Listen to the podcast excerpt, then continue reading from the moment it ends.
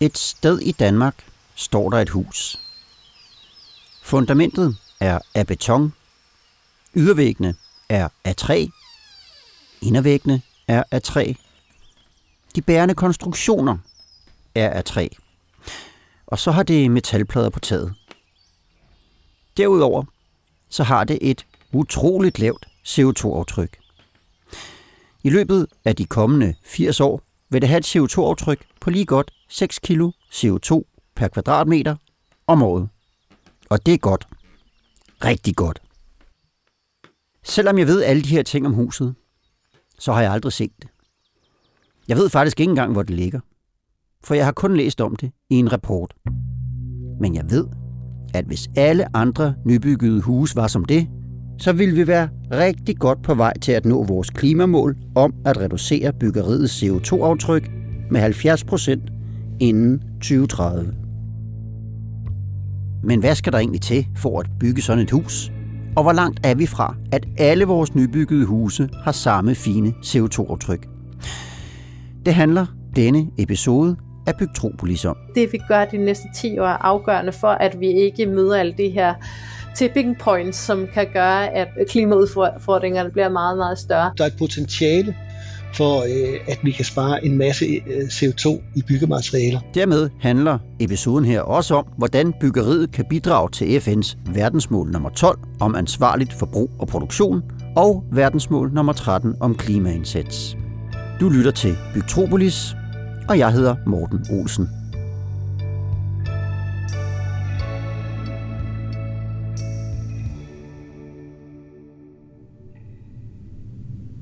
Kan du høre den susen der? Det er en eller anden form for udluftningssystem, der er i min lejlighed, som vist nok er med til at gøre indeklimaet bedre. Og det er jo godt. Jeg er også meget glad for at bo her. Og en af de andre fede ting er, at hvert efterår, lige inden jul, der får vi nogle tusind kroner tilbage i varme og el. Jeg tror, det hænger sammen med, at lejligheden her er forholdsvis ny, og så noget som energieffektivitet og indeklima det har der været krav til i danske bygninger i mange år. Så bygningerne er bare blevet mere og mere effektive og mere og mere bæredygtige i drift. I dag der bryster vi danskere os faktisk af at være lidt af nogle verdensmestre i energieffektive boliger. Og det er jo smart. For det første så er det det rene spild af penge, hvis vi bruger for meget energi på at varme vores huse op. Og for det andet, så er det bare ikke særlig godt for klimaet. Så energieffektive huse, det er det, vi på halvplat nudansk kan kalde en win-win. Men det, der er lidt mærkeligt, det er, at der slet ikke har været nogen krav til, hvor meget CO2 man må udlede, når man opfører en bygning. Så ingen holder øje med, hvor meget CO2 der bliver udledt fra alt det beton, mursten, tegltag og isolering, man bruger – når man bygger. Til gengæld er der strenge krav til, hvor meget energi vi bruger fra den dag, vi flytter ind i huset. For et par år siden, der spurgte jeg nogle af de ansvarlige politikere, om det var en god idé med en grænse for, hvor meget CO2 et byggeri måtte udlede i opførelsesfasen. Det var dengang boligministeren kom fra Liberal Alliance og hed Ole Birk Olesen, og han havde ikke umiddelbart nogen planer om at sætte krav til, hvor meget CO2 man måtte udlede i byggefasen. Jeg spurgte også Jens Jol fra Socialdemokraterne, og han tænkte heller ikke, at det var noget, der var lige på trapperne. Det kan godt være svært at gøre det ned på det enkelte byggeri, så jeg tror, man skal passe på med at gøre det så rigidt, at man ikke kan bygge en bestemt bygning af hensyn til et eller andet, men derfor kan man jo godt enten på kommunalplan eller på øh, bygherreplan, øh, på entreprenørernes øh, plan, ligesom have en strategi for, hvordan nedbringer vi det samlede aftryk. Vi vidste heller ikke særlig meget om bygningers CO2-aftryk i byggefasen. Det vil sige, at man kunne bygge et hus, der var en kæmpe CO2-sviner i byggeperioden, og et eksemplarisk energibesparende hus, når det endelig var i drift. Og alle ville klappe i hænderne. Men så gjorde man noget smart. Man undersøgte bygningers CO2-udslip i byggefasen.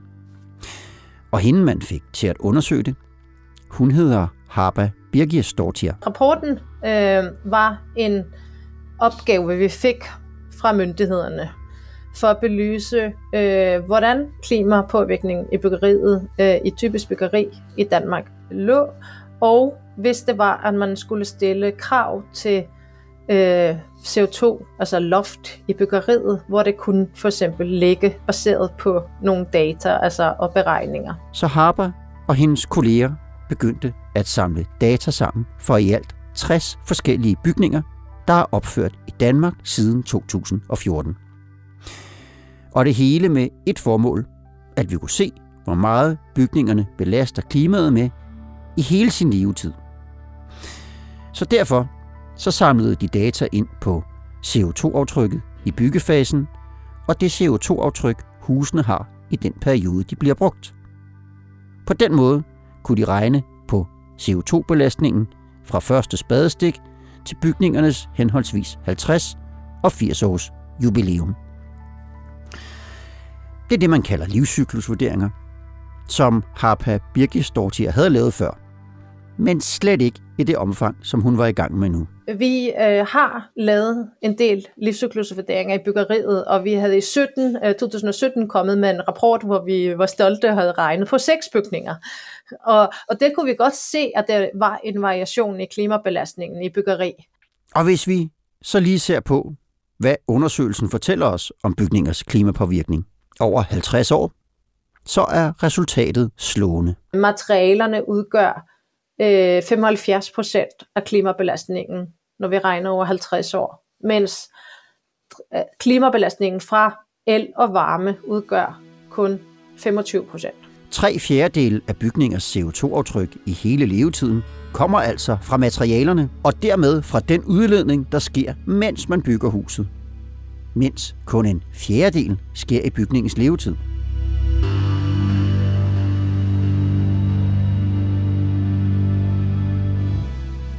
Når man laver sådan nogle beregninger her, så prøver man også lidt at se ind i fremtiden. Og den kan som bekendt være lidt svær at sige noget definitivt om. Derfor er der også delte meninger om, hvor præcise den her slags beregninger er. Men det overordnede billede er klart. CO2-aftrykket fra byggefasen er til at få øje på. Og der er faktisk ikke den store forskel på, om man bygger rækkehuse, kontorbygninger, villager eller lejlighedskomplekser. Den gennemsnitlige CO2-udledning er cirka den samme. Men inden for hver enkelt bygningstypologi er der en kæmpestor variation. Altså vi kunne ikke sige, ja, ud fra det vi har med, med de 60 cases, at vi kan se, at enfamiliehusene ligger, ligger typisk højere end etageboligbyggerierne og, og, og så videre. Til gengæld, så kan vi se, at der er stor forskel på de dårligste og bedste inden for hver kategori.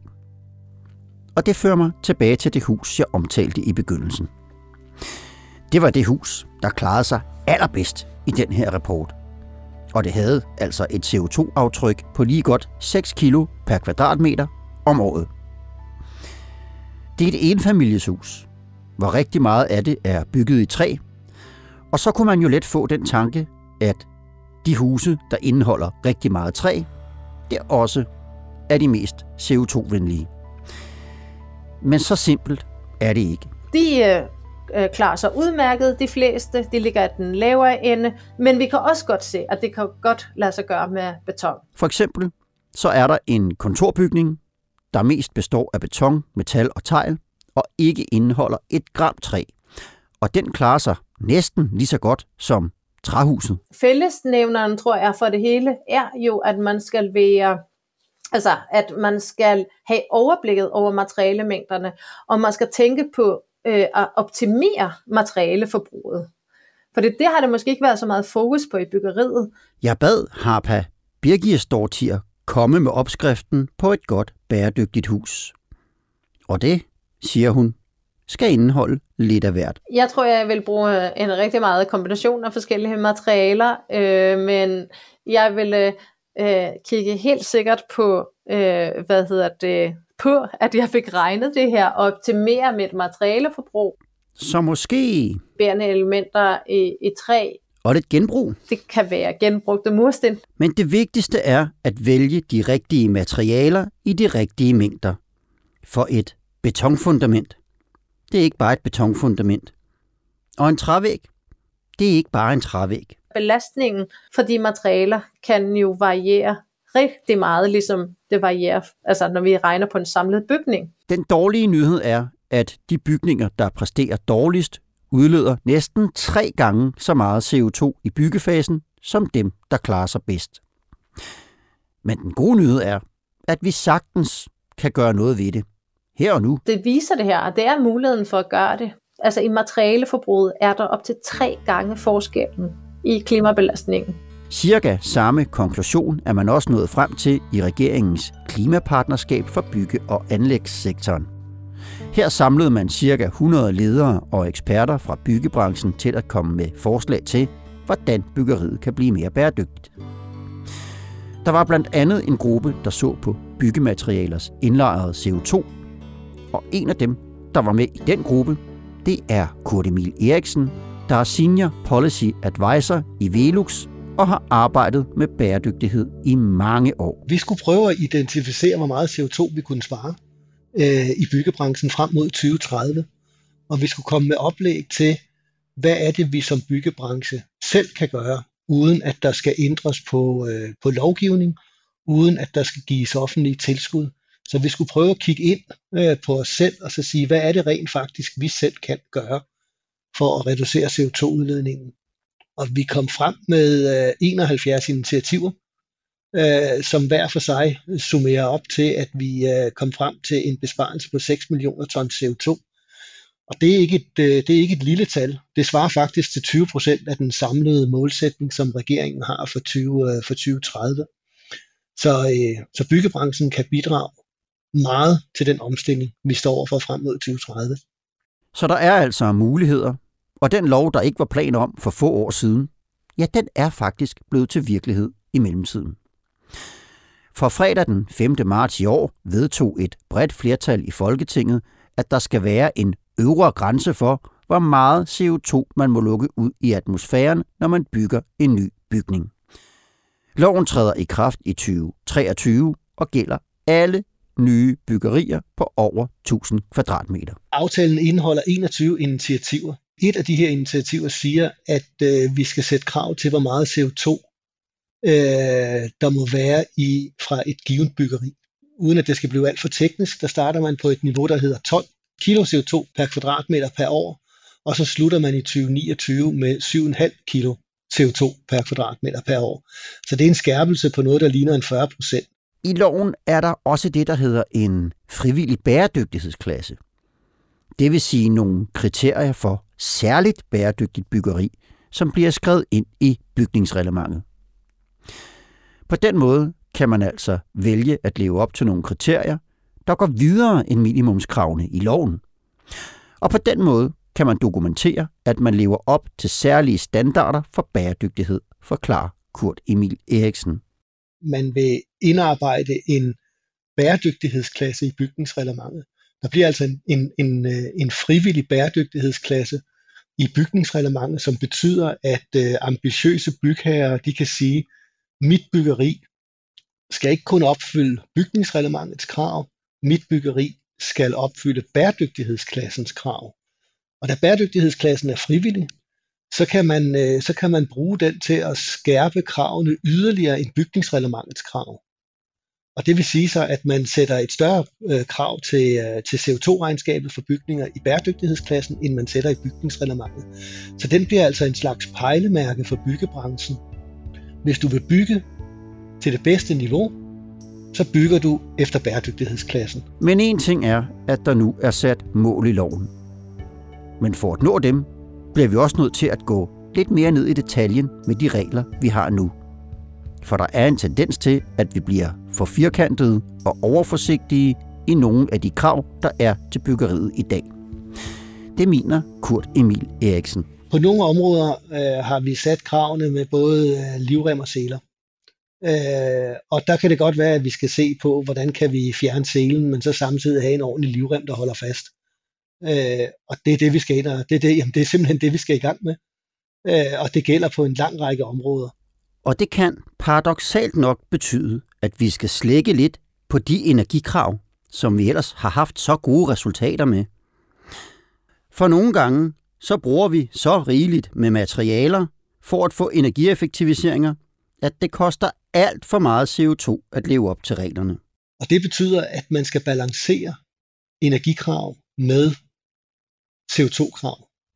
Hvis man kun fokuserer på energikrav, så kan man godt bringe sig i en situation, hvor det er, at man, sparer, man prøver at spare noget i driftsfasen, hvor man så rent faktisk øh, bruger mere energi i produktionsfasen, og at det bliver en slags gyngerne af karusellerne.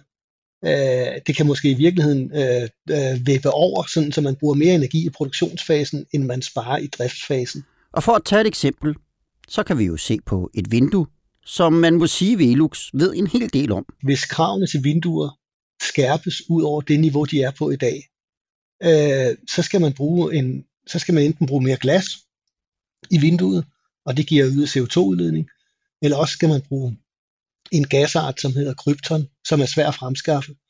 Primært på grund af, at der skal bruges meget CO2 for at fremstille den, eller udvinde den fra luften af. Så er vi tilbage i min forholdsvis tip-top moderne lejlighed, der er bygget for syv år siden, da man lavede et gammelt tørloft om til lejligheder. Så skulle den bygges i 2023, så ville der måske være CO2-krav til byggeriet.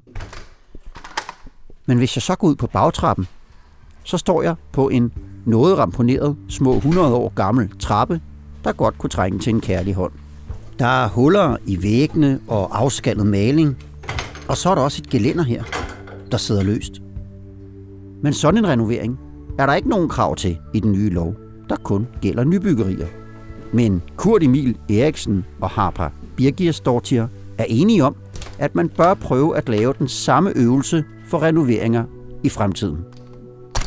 Det er nemt at sætte krav til nybyggeri, fordi at vi starter jo fra jomfruelig grund, så at sige. Det er en langt større udfordring at finde ud af, hvad pokker gør vi med den eksisterende bygningsmasse. Man har jo altså rigtig stor bygningsmasse, som skal renoveres. Meget større end det, vi bygger nyt hvert år. Øh, og der øh, øh, er det jo målet at energirenovere for at nedbringe driftsenergiforbruget i de gamle bygninger. Og her er materialeforbruget også rigtig afgørende.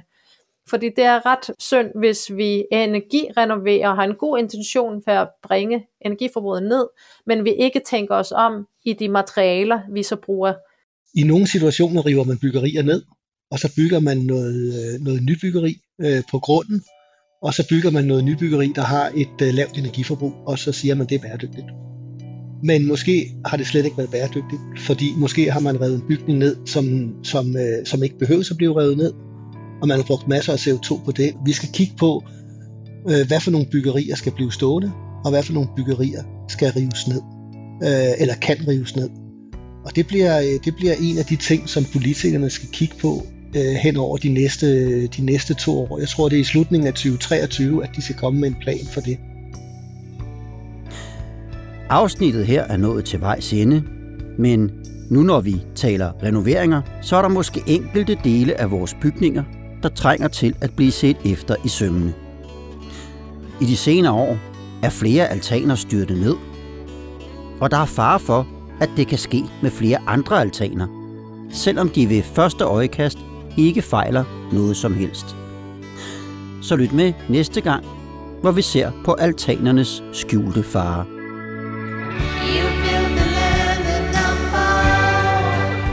Podcasten Bytropolis er produceret af Morten Olsen og Munk Studios i samarbejde med Bare Rådgivning og med støtte fra Lokale- og Anlægsfonden og Grundejernes Investeringsfond. Musikken er komponeret og produceret af Martin Grønne, og Mathias Hav stod for lyddesign.